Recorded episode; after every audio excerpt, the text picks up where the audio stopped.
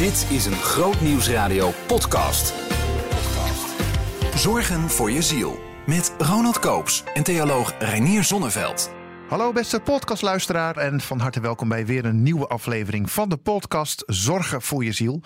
De podcast waarin Reinier Zonneveld en ik praten over de dingen van de binnenkant. De dingen binnen onze ziel. Want het is belangrijk om goed voor je ziel te zorgen. En binnen dat thema, binnen dat kader, spreken wij over de meest uiteenlopende onderwerpen. Renier, welkom alweer. Hoi. Ja, over die onderwerpen gesproken. We gaan het hebben over een cancel culture en over oordelen. Ja. Wauw, ik ben heel benieuwd. nou, je cancel culture is een beetje een, een, een moderne term die je tegenwoordig wel hoort. En het slaat op uh, wat eigenlijk al heel oud is, maar tegenwoordig veel gebeurt. Namelijk dat iemand zegt iets onwelgevalligs. Uh, iemand heeft vaak in het verleden een tweet gedaan, bijvoorbeeld, die dan als racistisch kan worden geïnterpreteerd. Of op wat voor manier voor een of andere groep als kwetsend. Uh, die tweet of dat, die uitspraak ergens, die komt boven water. En er wordt enorm hard geroepen dat diegene ontslagen moet worden. Oh ja, een soort afrekencultuur of zo. Het is een beetje een afrekencultuur. En, en, en, en dat kennen we altijd al wel. Alleen er is nu een heel specifieke draai aangekomen door internet. Dat daar alles bewaard blijft. Er duiken foto's op van iemand die een uh, Hitlergroet doet. Noem eens wat, zeg maar. Of weet ik wel wat voor geks iemand in zijn verleden heeft gedaan. En, en dat wordt boven water gehaald. En dan wordt er eigenlijk nou ja, op geroepen dat iemand zijn podium uh, weg ja. moet. Uh, en, en, iemand moet worden ontslagen. Uh, en dat is een klein onderdeel van ja, algemeen oordelen. Ja. Wat we met z'n allen doen. Het roddelen, wat wel een heel oud thema is. Ik, ik, heb, ik, ik, ik heb er zelf ook wel een soort christelijke variant van meegemaakt. De christelijke variant is dit iemand, een of ander iemand die boekjes schrijft of, of iemand die theoloog oh, je bedoelt, is of, of voorganger of die schrijft uh, iets wat een, een groep onwelgevallig is.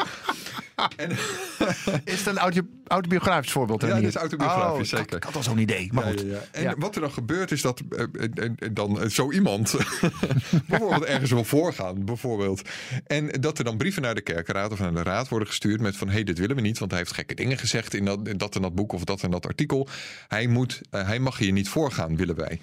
Wauw. Uh, dat is eigenlijk een soort christelijke vorm van cancel culture. Dat is een manier om je, je werk eigenlijk onmogelijk te maken. Uh, en dat heb ik inderdaad bijvoorbeeld met enige regelmaat een paar jaar geleden zelf meegemaakt. Dat is inmiddels alweer een jaar of twee uh, klaar. Maar, maar zit je nog steeds hoog? Of? Nou ja, ik wil het even persoonlijk maken. Okay, de betreffende kerk kan nu reageren. Nee. ja, dat is toen een aantal keer gebeurd. En ik weet van voor, het gebeurt regelmatig ja, ja, met ja. voorgangers. We gaan, het, uh, we gaan het weer net even wat anders doen in deze podcast. Dat is altijd lastig voor de luisteraars die denken van... nou, nu weet ik het stramien. Nee, we gaan het weer anders doen. Want ik ga een aantal keer een bijbeltekst lezen. Ja. Die jij hebt uitgekozen. Waarom? Nou ja, omdat dit, het is een, uh, wat we gaan lezen, is een van de beroemdste verhalen van Jezus. Uh, en ik denk dat het een hele interessant commentaar biedt op hoe wij oordelen en hoe we met elkaar omgaan. Daar gaan we. Jezus ging naar de Olijfberg en vroeg in de morgen was hij weer in de tempel. Het hele volk kwam naar hem toe. Hij ging zitten en gaf hun onderricht. Toen brachten de schriftgeleerden en de fariseeërs een vrouw bij hem die op overspel betrapt was. Ze zette haar in het midden en zeide tegen Jezus: Meester, deze vrouw is op heterdaad betrapt toen ze overspel pleegde. Mozes draagt ons in de wet op zulke vrouwen te stenigen. Wat vindt u daarvan? Dit zeiden ze om hem op de proef te stellen, om te zien of ze hem konden aanklagen. Nou ja, laat ik een paar uh, opmerkingen maken die, die even aardig zijn om iets meer te voelen van wat hier nou gaande is. Globaal kennen we dit verhaal natuurlijk. En ja. weten we uh, dat dit een strikvraag is. We zullen straks een beetje meer gaan uitvogelen hoe dan precies. En dat Jezus straks op een slimme manier die strikvraag eigenlijk gaat uh, omdraaien. En dan eigenlijk de anderen in hun eigen strik laat lopen. Dat, dat is wat er gaat gebeuren. Ja. Um, en dat doet hij op een, altijd op een interessante manier waarbij, het, nou, waarbij er echt iets gebeurt. Een Iets opvallends vind ik dat het alleen over de vrouw gaat. Je zou zeggen bij overspel, daar, daar is toch altijd een man. Zijn er twee? Uh, ja. Geval zijn er twee uh, bij aan de hand. Maar de man is er niet bij, hè? De man is er niet bij. En uh, je kunt een beetje gaan raden waarom dan niet. We weten natuurlijk niet waarom dan niet. het kan zijn dat ze prostitutie aanbood. dus dan was het misschien ook gewoon alleen deze het alleen in haar eentje. Um, althans dat aanbieden.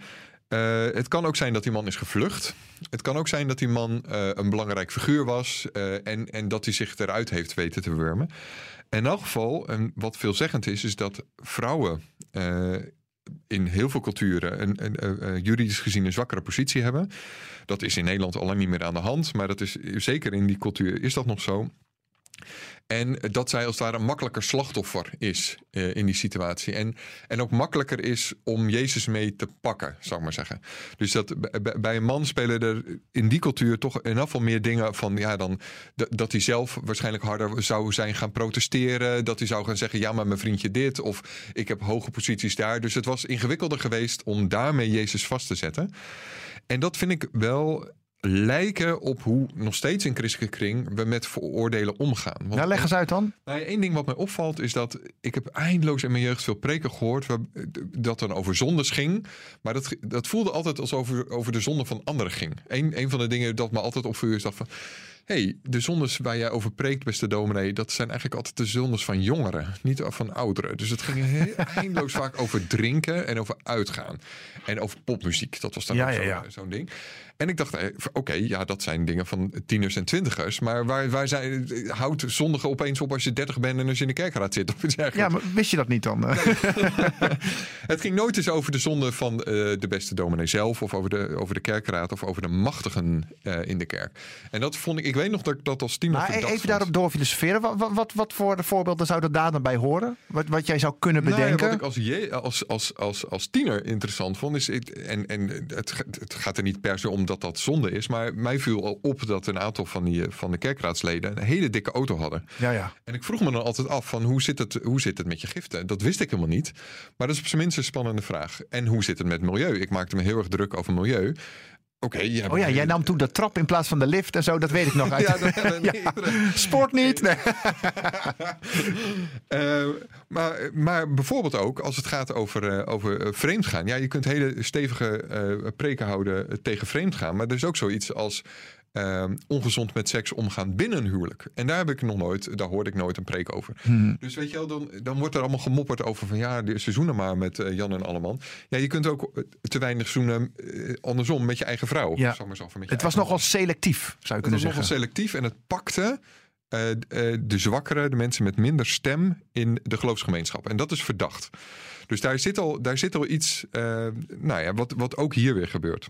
Ja, want even terug naar dit verhaal wat we net hebben gelezen. Deze geschiedenis. Wat, wat, wat leren we hier dan uit? Nou ja, leren is misschien. Laten we nog iets meer context. Want jij wil gelijk het con- Ja, concreet maken. Ik wil meteen aan de praktijk natuurlijk. Hoppa, ik wil wat leren. Ja, Oké, meneer de filosoof. Een stapje nou terug. precies de strikvraag? En eh, hij wordt op meerdere, eh, meerdere manieren uitgelegd, maar ik denk dat dit de kwestie is. Van de Romeinen, eh, dus voor Mozes was het, volgens Mozes, de wet van Mozes, volgens de Joodse religie, was het bij vreemdgaan, moest je worden gestenigd. Heldere regel. Alleen, er is in die concrete situatie een probleem daarmee, dat dat van de Romeinen namelijk niet mocht. En dat Ah, weten we bijvoorbeeld, dat zie je bij de kruising gebeuren. Weet je wel, de Joodse leiders moeten Jezus overdragen aan Pilatus om hem eh, tenminste veroordeeld te kunnen krijgen. Je mocht helemaal niet stenigen en al helemaal niet op, op het Tempelplein, waar om de hoek de kazerne lag, waar gewoon een heel regiment eh, Romeinse soldaten was en die er echt geen trek in hadden dat daar een opstootje kwam Nee. en dat er iemand ter plekke eh, gestenigd werd buiten hun eigen jurisdictie. Dus het is hier eigenlijk een kwestie van volg jij de Romeinen, beste Jezus, of volg jij Ah, Mozes? dat was de strikvraag eigenlijk. Dat was de strikvraag. Wie is jouw heer? Wie, welke wet volg jij? Ja. Dus het lijkt heel erg. Kijk, Jezus, dit is het bewijs. Ja. En nu? Ja. En dus het lijkt heel erg op een andere strikvraag van eh, mo- moeten we belasting betalen of niet? ja. Of die vraag van eh, er is een kalf eh, of een schaap dat eh, verdrinkt. Mag je op Sabbat dat redden of niet? Ja, en, en daar speelt nog minder sterk de spanning met de Romeinen. Maar hier speelt heel sterk die spanning met de Romeinen. En het is daar heel concreet. Ze zijn in de tempel, maar echt een deur verder is de kazerne. Dus het is gewoon 10, 20 meter verder. Daar zijn de Romeinen. En de fariseeën of de Joodse leiders weten op dat moment prima uitstekend... dat ze die vrouw niet kunnen stenigen daar. Alleen, ja, ze willen wel even horen van hoe het met Jezus zit en waar zijn loyaliteit ligt. En dat lijkt ook wel, dat heeft ook wel verwantschap met cancel culture. Weet je wel, we kunnen mensen niet echt raken. We kunnen ze alleen met woorden raken en, en uiteindelijk kapot maken, zeg maar, eh, publiekelijk. Dus we gaan, wat er bij cancel culture en op internet enorm veel gebeurt, is gewoon mensen net zo lang grote woorden eh, naar een columnist, naar een politicus, naar eh, een, een voorganger of wat dan ook jagen. Tot hij sociaal dood is, zal ik maar zeggen. Ja, ja, ja. En dat is de vraag hier. Ze konden die vrouw niet stenigen, maar ze konden haar wel sociaal doodmaken. Cancelen. Het onmogelijk voor die vrouw maken om eh, nog met enig fatsoen verder te leven. Nou ja, dat is, ehm, dat is de kwestie. En dat doen we nog steeds. Dus we zijn nog steeds mensen aan het stenigen tussen aanhalingstekens. Aan het kruisigen tussen ja. aanhalingstekens. Niet fysiek, maar wel Niet met fysiek. woorden of met gedachten en zo. Ja. En, de, en, en dan is net als toen, eh, is nu nog steeds de vraag: waar hoor je eigenlijk bij? Hoor je bij de Romeinen of hoor je bij de Joden? Of tegenwoordig hoor je bij links of hoor je bij rechts? Hoor je bij de niet-christenen, hoor je bij de wel-christenen? Weet je? Of hoor je bij de rechtzinnigen of Ja. hoor je bij de Ook zwartzinnigen? continu dat frame hè, van waar hoor je bij? Exact. Dus wie heb ik voor mij als nu gesprekspartner? Exact. Dus het gaat altijd dan over groepen. Dus het is het, het- het tribalistisch, noemen we dat dan vaak. Dus tribes zijn groepen mensen waar je aan verwant, waar je aan verwant voelt met een bepaalde kenmerken. Nou ja, dan, je kunt op allerlei manieren een tribe of groep vormen. Nou, hier is de vraag: hoor, je, hoor jij eigenlijk wel bij de Joden? Ben Ja. jij wel een goede Jood? Of hoor jij stiekem bij de Romeinen en ben je een verrader? Jezus bukte zich en schreef met zijn vinger op de grond. Toen ze bleven aandringen, richtte hij zich op en zei: Wie van jullie zonder zonde is, laat die als eerste een steen naar haar werpen. Hij bukte zich weer en schreef op de grond. Nou, wat ik hier heel interessant vind is, dit is eigenlijk de enige manier in de evangelie dat we iets leren over de lichaamstaal van Jezus. En wat hij dus doet, is hij hoort een bepaalde vraag. Een vrouw lijkt daar op de grond gegooid eh, eh, en gaat op haar hoogte. Dat is al, eh, dus hij bukt hè, en gaat iets op de grond schrijven. Wendt zich af, blijkt ook uit de tekst. Dus kijkt de mensen niet aan, maar wordt dus lager dan iedereen. Op de hoogte van die vrouw. En gaat met iets anders bezig. Ja. We weten niet wat. We weten ook niet wat hij schrijft, geloof Nee, dat ik. weten we niet. En er, is, en er is ook eigenlijk geen suggestie voor. Er is één eh, profetie in Jeremia. En iets eerder in eh, Johannes gaat het ongeveer over dezelfde tekst. Dus het zou daarmee te maken kunnen hebben. Maar er is een profetie in Jeremia waarbij het inderdaad gaat over dat de wet in het zand wordt geschreven. En dat het dan, eh, dat, dat dan kan wegwaaien. Dus het zou kunnen zijn dat, dat dit een soort symbolische handeling is. Zoals Jezus heel veel doet. Hè? Zoals hij Ja, ja. op een ezeltje de stad in enzovoort enzovoort. Hij heeft heel veel symbolische handelingen. Dat hij hier een soort ja, letterlijke vingerwijzing naar die, naar die oude profetie doet. En iets suggereert als dat de wet kan wegwaaien of dat menselijke regels kunnen wegwaaien. Alleen ik denk dat de essentie zijn lichaamstaal is. Wat hij eigenlijk doet is, je zou de-escaleren kunnen noemen. Of zoiets als tot tien tellen. Oh ja, want hij gaat niet direct een soort van de aanval in of zo. Maar Nee, hij trekt zich ze niet eens aan. Nee. Hè? Dat, dat, dat staat er ook. Dus hij wendt zijn blik af. En pas op het moment dat ze aandringen, dan gaat hij terug. Dus hij is op zijn minst tot tien tellen is dit. En waarschijnlijk wel wat langer. Dus hij neemt heel erg zijn eigen, eigen, eigen ritme en zijn eigen tijd. Gaat iets doen wat eigenlijk de aandacht verzetten. Dus Ja. het gaat naar iets anders. Hij gaat iets doen wat heel logisch was voor een eh, rabbi in die tijd. Namelijk gewoon in het zand schrijven. Dat is Ja, maar dat was, dat was normaal of zo? Dat was een vorm van onderwijs. eh, Nou ja, hoe, wat, wat we nu op een whiteboard doen, dat deed... Exact. Dat, ja, ja. eh, de- gewoon het zand en, en het was gewoon het whiteboard van die tijd. Dus Ja, ja. dat is heel, heel logisch. Dus het, hij verlegt de aandacht even. En dat is, dat is wat de-escaleren is. Dat doe ik nog steeds met onze kleuter. Op het moment dat hij heel zagrijnig is. Dan is het opeens van... Hé, hey, wat is dat voor interessant vogeltje? ja, ja, ja, dat doe ik ook altijd. Werkt altijd. Het werkt als een Ja. malle. En opeens is al die emotie weg. En dat werkt natuurlijk. En hij is niet bedreigend. Hè? Dus hij is juist kleiner dan die anderen. Dus hij kijkt ze niet strang aan, maar hij is even weg. Hij maakt zich kleiner. Hij is niet lichamelijk groot. Dus hij is niet aanvallend. En ik denk dat dat een van de lessen is eh, die. eh, op, nou ja, dat dat de eerste les is die we hieruit kunnen hebben. Dus jij wou het net praktisch hebben vijf minuten geleden. Hier, hier heb je Ik denk dat de meeste luisteraars al lang zijn afgehaakt, maar doe een poging. Nee, dat ze hebben door, kijk, ik hoop dat ze hebben doorgeklikt. Zingen wij nu? Nee. De eerste les is, eh, stap er even uit. Stap even uit de situatie. Tel, tel tot tien om het heel Ja. plat te maken. Maar stel je niet aanvallend op. Maar weet je, wel, kies voor een ander soort houding. Die niet meegaat in die dynamiek van aanvallen. En dus je verdedigen en dus weer tegen aanvallen. Enzovoort, enzovoort. Nou ja. Ehm, dat is super. En, en dan komt hij natuurlijk met, met die briljante zin. eh, eh, de- wie Ja, wie zonder zonde zonde is. wer- Ja. van de eerste steen werpen. Ik ken een, eh, een, wiskundige uit Amsterdam, eh Emmanuel Rutte, die heeft dat ooit verteld. En die vertelt het ook wel publiekelijk, eh, dit verhaal.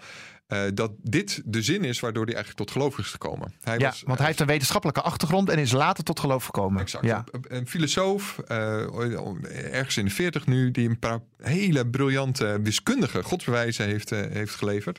En, en nieuw heeft bedacht. Dat is echt fascinerend. Maar hij was atheïst, of hij noemt zichzelf nog st- minder dan atheïst in de zin dat hem de hele vraag hem niet interesseerde. Op een gegeven moment begon hij eh, christelijke filosofen te lezen. Omdat, ja, ik zal er, en toen dacht hij, hè, ze hebben het over onderwerpen waar ik het nooit over heb gehad. Wat interessant. Laat ik maar eens de bron gaan lezen. Toen ging hij de evangelie lezen. En toen was dit een van de verhalen waarbij hij eigenlijk van zijn, van, van, van- nou bijna letterlijk van zijn stoel viel. Dat hij dacht van, hoe bestaat dit? Hoe kan een mens zo briljant zijn en zoveel inzicht hebben in, in hoe, hoe mensen in elkaar zitten? En we kunnen de hele zin niet uitpakken nu, denk ik. Nee, nee, nee. Uh, maar laat ik er iets, um, iets bij noemen. Wat hij doet, wat Jezus in elk geval doet, is uh, nou, je teruggaan naar de mensen zelf. Dus losgaan van die, van die groepsdynamiek. Losgaan van wat er allemaal met die vrouw aan de hand is. Maar terug naar de mensen zelf. En dan van wat is eigenlijk met jou aan de hand? Hoe zit het eigenlijk met jou? Ben jij eigenlijk wel gerechtigd om deze vraag te stellen? En dan doet hij een hele interessante. Of twee eigenlijk nou ja, de, in totaal dus drie. Dus de, Waarschijnlijk wordt het straks vier of vijf. Maar... De, ene, de ene truc als het ware die hij doet is weg van het slachtoffer of de zondebok naar de oordeler zelf. En vragen van hoe zit het eigenlijk met jou? Ben je wel gerechtigd? Ja. En hoe, wat is jouw positie? Het tweede wat hij doet zit eigenlijk verstopt in dat woordje wie zonder zonde is, zal de eerste steen werpen. Hij zegt niet zozeer van wie zonder zonde is, de, ja, die, die mag ook hier een steen gaan werpen, maar het gaat over de eerste steen. En daarmee wordt dus die eerste steen. Ja, op het moment dat iemand, als de één schaap over de dam is, zal ik maar zeggen, dan, dan volgt de rest wel. Die eerste steen is cruciaal. Op het moment dat één steen geworpen is, dan durft de rest ook wel. Maar Ja, nu ja. wordt dat besluit van die eerste steen, dat, daar, daar gebeurt nu iets. Dus op het moment dat iemand nu een steen gaat, gaat heffen, dan gaat iedereen naar die persoon kijken, naar diegene kijken hey, wacht even, beweer je nu eigenlijk dat je zonder zonde bent? Maar we weten hier toch allemaal dat dat niet zo is. Dus hij draait daarmee... De discussie eigenlijk, ja. Of, Ja, eigenlijk de groepsdynamiek gaat hij omdraaien. Dus iedereen is gericht op die ene zondebok. Maar opeens kan nu iedereen zelf de zondebok worden. Met die nieuwe regel van Jezus. Ja. En dat is heel spannend. Opeens wordt het, gaat het niet meer over de ander. Maar oh, wacht even, de hele groep zou ook tegen mij kunnen gaan. En dat is de derde wat Jezus doet. Is dus niet zozeer afzwakken. Want dat, die, die verdenking hangt de hele tijd in de lucht. Hè? Van ja, die Jezus die, die is allemaal maar vriendelijk voor die prostituees en die zondaars. En die, die eten met de tollenaars. Wat, en, en is misschien wel niet loyaal aan, aan de, aan de Joodse religie. Die, die hult misschien wel met de vijand de Romeinen. Maar nu opeens, hij doet er eigenlijk een extra regel bij. We hebben al die 613 regel, eh, regels van Mozes. Maar hij maakt nu de 614e regel. Namelijk, wie zonder zonde is, die mag de eerste steen werpen. Dus het fascinerende is dat Jezus niet lauwer is of softer is dan, dan Nee. zijn. eh, en, of minder joods is, zal ik maar zeggen. Maar dat hij eigenlijk strenger is dan de anderen. Hij maakt het. Dus hij stelt hogere eisen. En daarmee bevrijdt hij juist. ehm, ja, en hij maakt het ook persoonlijker. Zeker, dus hij maakt het persoonlijker. Hij keert de groepsdynamiek om, dat is het tweede. En hij maakt het eigenlijk strenger. Dus hij, zijn, zijn punt is niet zozeer... eh, ja, laten we elkaar allemaal wat minder veroorde- veroordelen. Hij zegt, nee, je bent eigenlijk heel inconsequent... op het moment dat je zondebokken maakt. En wat zegt dat voor ons in deze tijd? Wat, wat, wat, wat leren wij? Nou dit dus. Heb je meer? Wat leren ja, wij nou, hieruit? dit, dit dus, dat cancel culture en het veroordelen van anderen eigenlijk heel inconsequent is. Dus wat je doet is gewoon het hele tijd maar een andere wijze. Maar je bent nog lang niet streng genoeg. Dus het, het is... Het, het- Kijk eerst naar jezelf, zou de les Eerst eens kunnen. naar jezelf en, en wees nou, ga daar nou eens een keertje aan werken. Dus het is, het is vaak zo'n, we hebben een soort wapenwedloop zou je kunnen zeggen. Een morele wedloop is er gaande. Van nee, ik ben heiliger, nee, ik ben heiliger en, en zij zijn slechter en zij zijn slechter. Nee, ik ben veel rechtser dan jij, ik ben veel linkser dan jij. Weet je, en eindeloos zitten we maar naar de ander te wijzen. Terwijl dus, terwijl dus de kritiek van Jezus is, nee, je bent nog lang niet streng genoeg. Ja, ja, ja. Als je nou echt serieus zou zijn, als je nou. Eh, Jullie zijn veel te soft, weet je. Als je nou echt serieus de boel zou aanpakken, dan zou je eerst eens naar jezelf kijken. En eerst eens echt werken aan jezelf. En dan eens een keertje eh, naar de ander eh, kijken. Ja, wij gaan verder met deze geschiedenis. Toen ze dat hoorden, gingen ze weg. Eén voor één, de oudsten het eerst. En ze lieten hem alleen, met de vrouw die in het midden stond. Jezus richtte zich op en vroeg haar: Waar zijn ze? Heeft niemand u veroordeeld? Niemand, heer, zei ze. Ik veroordeel u ook niet, zei Jezus. Ga naar huis en zondig vanaf nu niet meer. Maar ook hier vind ik weer fascinerend dat hij weer, dus hij heeft die fantastische, briljante vraag gesteld. waarin allerlei dingen omkeren. En mensen denken: oh, wacht even. Moest het hier over mij gaan? ja, ja. Ik heb in één keer een andere afspraak, geloof ik. ging hij weer bukken. Hij ging weer in het zand schrijven. Dus hij ging niet, weet je, op proberen te winnen. en een beetje I told you so houdingje hebben, zeg maar. Maar hij ging weer, weer bukken. En moet zich dus weer oprichten. En doet een beetje verbaasd grappig tegen die vrouw. Het is eigenlijk heel grappig. Waar is iedereen? Waar is iedereen? Dat weet hij al lang natuurlijk. Ik bedoel, hij heeft daar lopen schrijven. En hij, weet, hij heeft natuurlijk al lang iedereen horen wegdruppelen. Maar hij doet net alsof hij dat niet weet. Dus daar zit een soort humor in. En um, nou ja, daarmee uh, maakt hij het voor iedereen makkelijker. Weet je wel? Dus hij maakt het. Mensen hoeven minder gezichtsverlies te lijden. letterlijk niet, omdat hij ze niet aankijkt. Dus hij kijkt even weg. Hij laat het even. Eh, deescaleert daar weer in. En iedereen kan net doen van. Oh, het, is hier allemaal niet meer interessant. Hij zegt toch niks meer. No, we lopen wel weg. We lopen wel weg. Het is, eh, weet je, hier valt geen eer meer aan te behalen. Dus iedereen kan een, een, beetje zijn gezicht nog behouden. Ja. En intussen is wel mooi die vrouw. Uh, maar dat, dat beeld trof mij ook toen ik dat net voorlas. Dat ze weer alleen zijn. Nou ja. De aanklager loopt weg. Ja.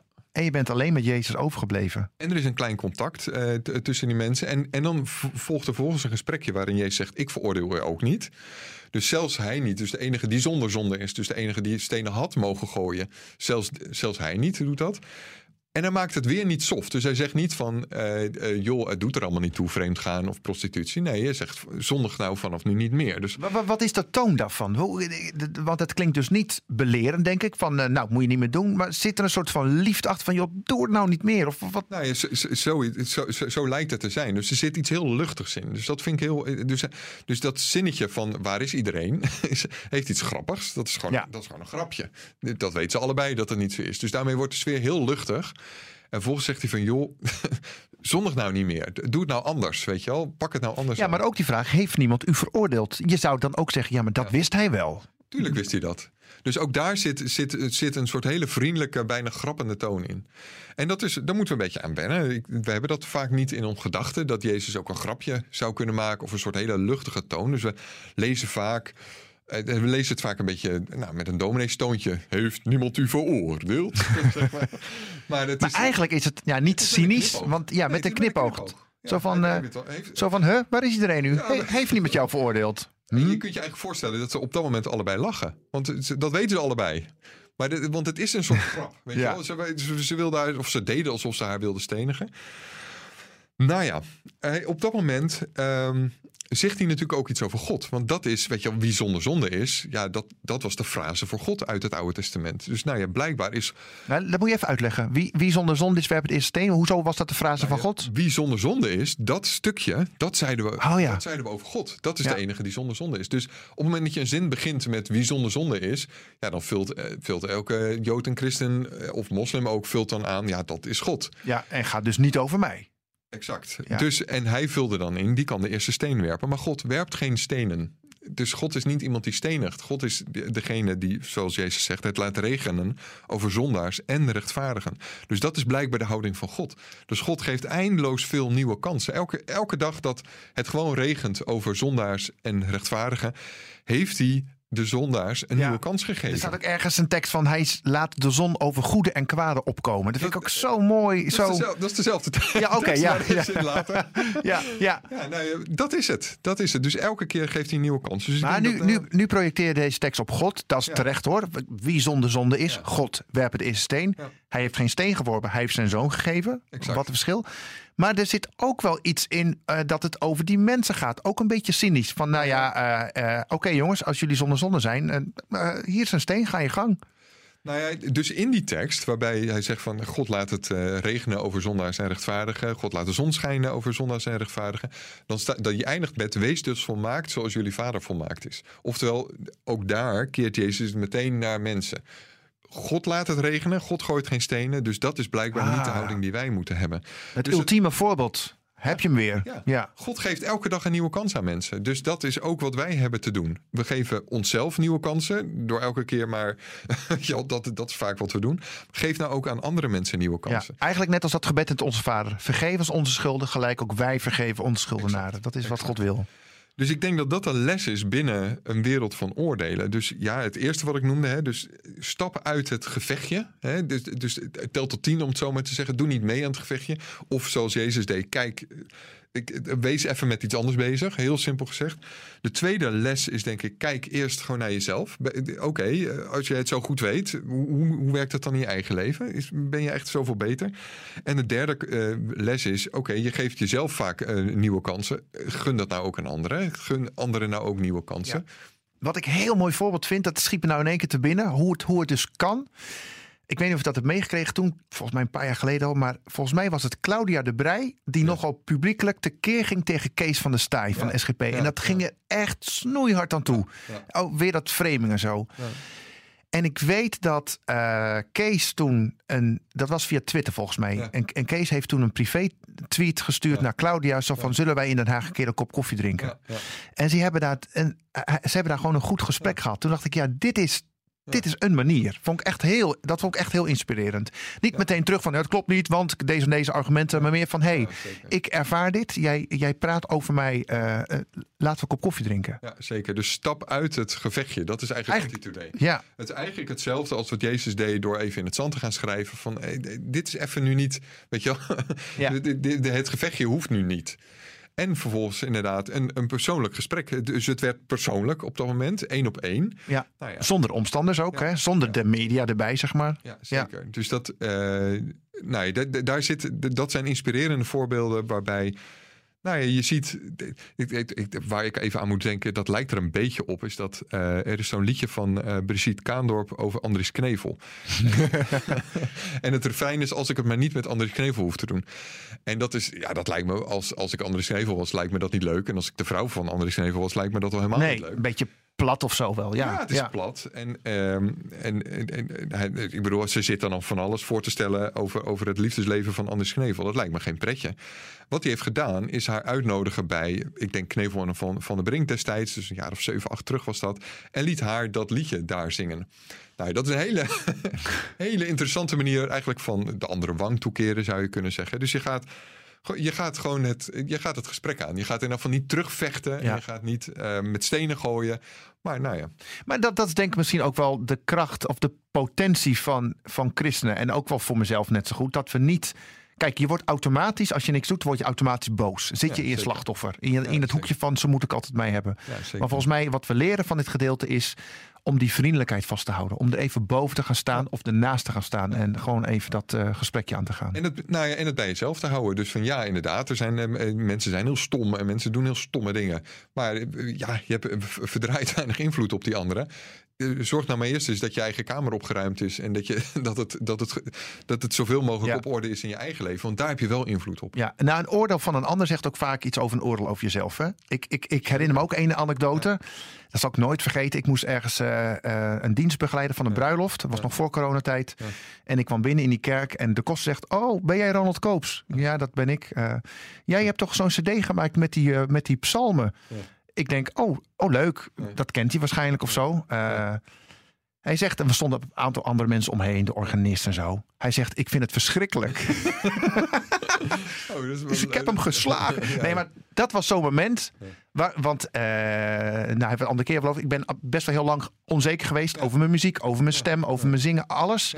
Maar dat was een moment van een soort van overwinning, dat ik dacht van, wat heeft die man de vrijmoedigheid om dat gewoon te zeggen? En toen zei ik van nou, dat, dat kan. Ik bedoel, er zijn ook mensen die het mooi vinden, maar ook mensen die, die het niet. En het, het was goed zo. Ja. Toen dacht ik, kijk, dan, je kunt dan terug gaan mappen en vechten. En waarom zegt hij dat? En hij, hij snapt er al helemaal niks van uh, in die rare kerk. Nee, gewoon dat even laten gebeuren eigenlijk.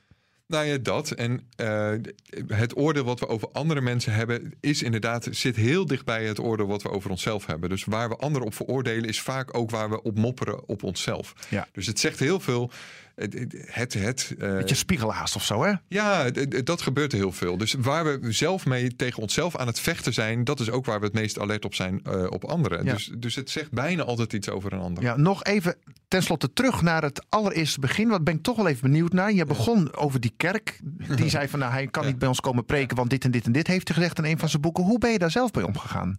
Het een paar of hoe gebeurd. had je misschien gewild dat je daarmee ja, ja, het is een paar keer gebeurd. En wat ik toen heel fijn vond, is dat in al die gevallen de de raad heeft gezegd van ja, we hebben hem uitgenodigd. En we kunnen niet op basis van iets wat hij elders heeft gezegd hem zomaar gaan, uh, gaan afschrijven. Dus dat vond ik heel fijn. Uh, hoe ben ik daar zelf mee Maar je bent toen wel gekomen, ik dus of niet? aangegaan met die mensen. Dus, dus dat, dat hebben we toen gearrangeerd. In al die gevallen uh, had ik dan na de dienst een gesprek met de mensen die dan zo kritisch op me waren. Oh ja, maar je bent dus wel gekomen. Het, ja hoor, ik ben wel gekomen. Het feest ja. ging wel door, maar ja. wel, ja. Dus in al die gevallen eh, ging het door. Ik, ik weet natuurlijk niet wat er achter de schermen gebeurt. En van de verhalen waar, waar ja, waar je niet van weet, weet je, weet je Nee. niet van. Om het zo maar te zeggen. Maar het lijkt me toch moeilijk of zo om zo'n gesprek dan aan te gaan. Een soort kwetsbaar, of niet? Want je weet, Ja, deze zeker. mensen moeten mij niet. Of wilden daar eigenlijk lig dat ik dan ook wel echt, echt wel wakker van. Eh, dus nou ja, wat ik heb geprobeerd is me voor te stellen waar het vandaan kwam, zeg maar. En dan, en dan zitten er ook altijd goede belangen bij. Mensen willen gewoon heel graag dat, dat de juiste dingen over God worden gezegd. Ja, snap ik ook wel. Ja. Ja, dat, ja, dus dat delen we. Weet Ja, je wel? ja, Dus, ja. dat- dus dit snap ik. En er Ja. zit een soort passie voor God ook vaak achter. Nou ja, dat, nou ja, dat, dat is in ieder geval een uitgangspunt wat we hebben. Ja. Mooi, dankjewel voor nu. Ja. Eh, ja, we hadden langer kunnen praten, maar eh, ja, we zitten ongeveer op een half uur. Dus eh, ik vind het ook Oh, wel weer ja. mooi geweest. In de volgende podcast gaan we het hebben over twijfels. Omgaan met twijfels aan je geloof. Ja. Tipje van de sluier? Nou ja, we gaan onder andere een aantal oorzaken horen van waar, geloof, waar geloofstwijfel vandaan komt. Maar, en ook een soort aantal oplossingen. En dat klinkt dan meteen alsof geloofstwijfel heel erg, heel erg fout is. Nou ja, daar gaan we het dan ook over hebben. Volgende week meer. Dankjewel en tot dan. Hoi. Luister ook elke vrijdag naar de rubriek Zorgen voor je ziel in de Nieuwe Morgen. Bij Grootnieuws Radio. Behoefte aan meer? Grootnieuwsradio.nl slash podcast.